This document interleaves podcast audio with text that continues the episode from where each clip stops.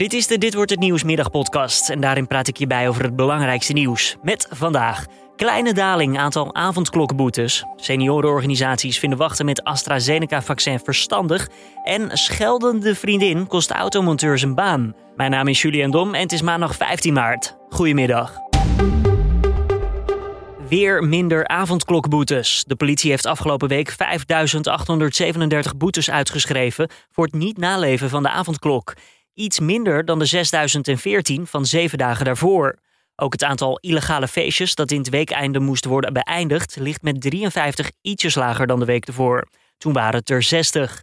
Die daling geldt ook voor het aantal mensen dat aan groepsvorming deed. Dat ging van bijna 300 naar 95.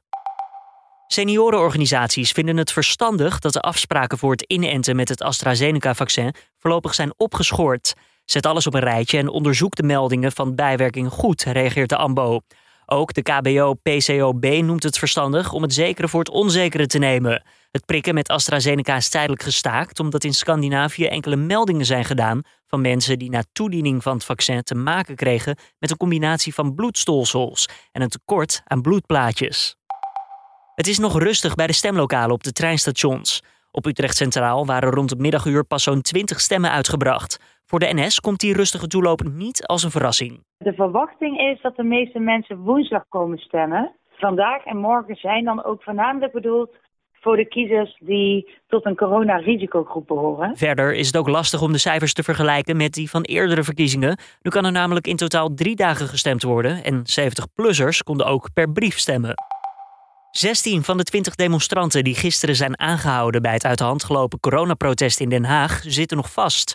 Er was toestemming voor maximaal 200 deelnemers op het Malieveld, maar al snel groeide het aantal tot in de duizenden. Aanwezigen hielden zich ook niet aan de coronaregels, waarop burgemeester Jan van Zanen besloot de demonstratie te beëindigen. De politie moest vervolgens ingrijpen toen een aantal demonstranten weigerden te vertrekken. Vorig jaar lag het aantal hotelovernachtingen in Europa op 1,4 miljard. Dat klinkt misschien als veel, maar het is slechts de helft van voor corona.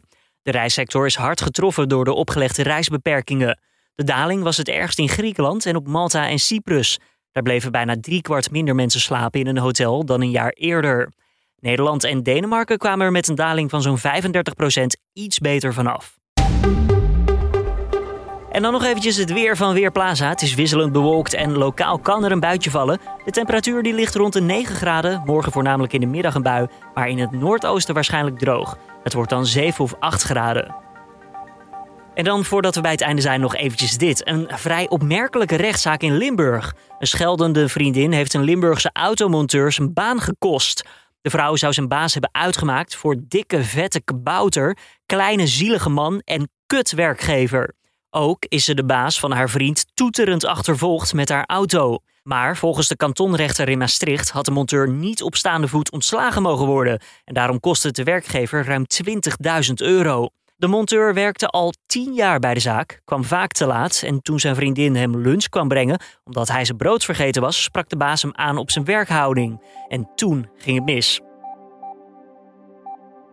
En dit was dan weer de Dit Wordt Het Nieuws middagpodcast van deze maandag 15 maart. Tips of feedback zijn altijd welkom. Stuur het even toe naar podcast.nu.nl. Mijn naam is Julian Dom. Morgenochtend is mijn collega Carnede weer om 6 uur ochtends. Staat je het laatste nieuws voor je klaar op de website en in de app. En uiteraard die podcast die glimt dan weer.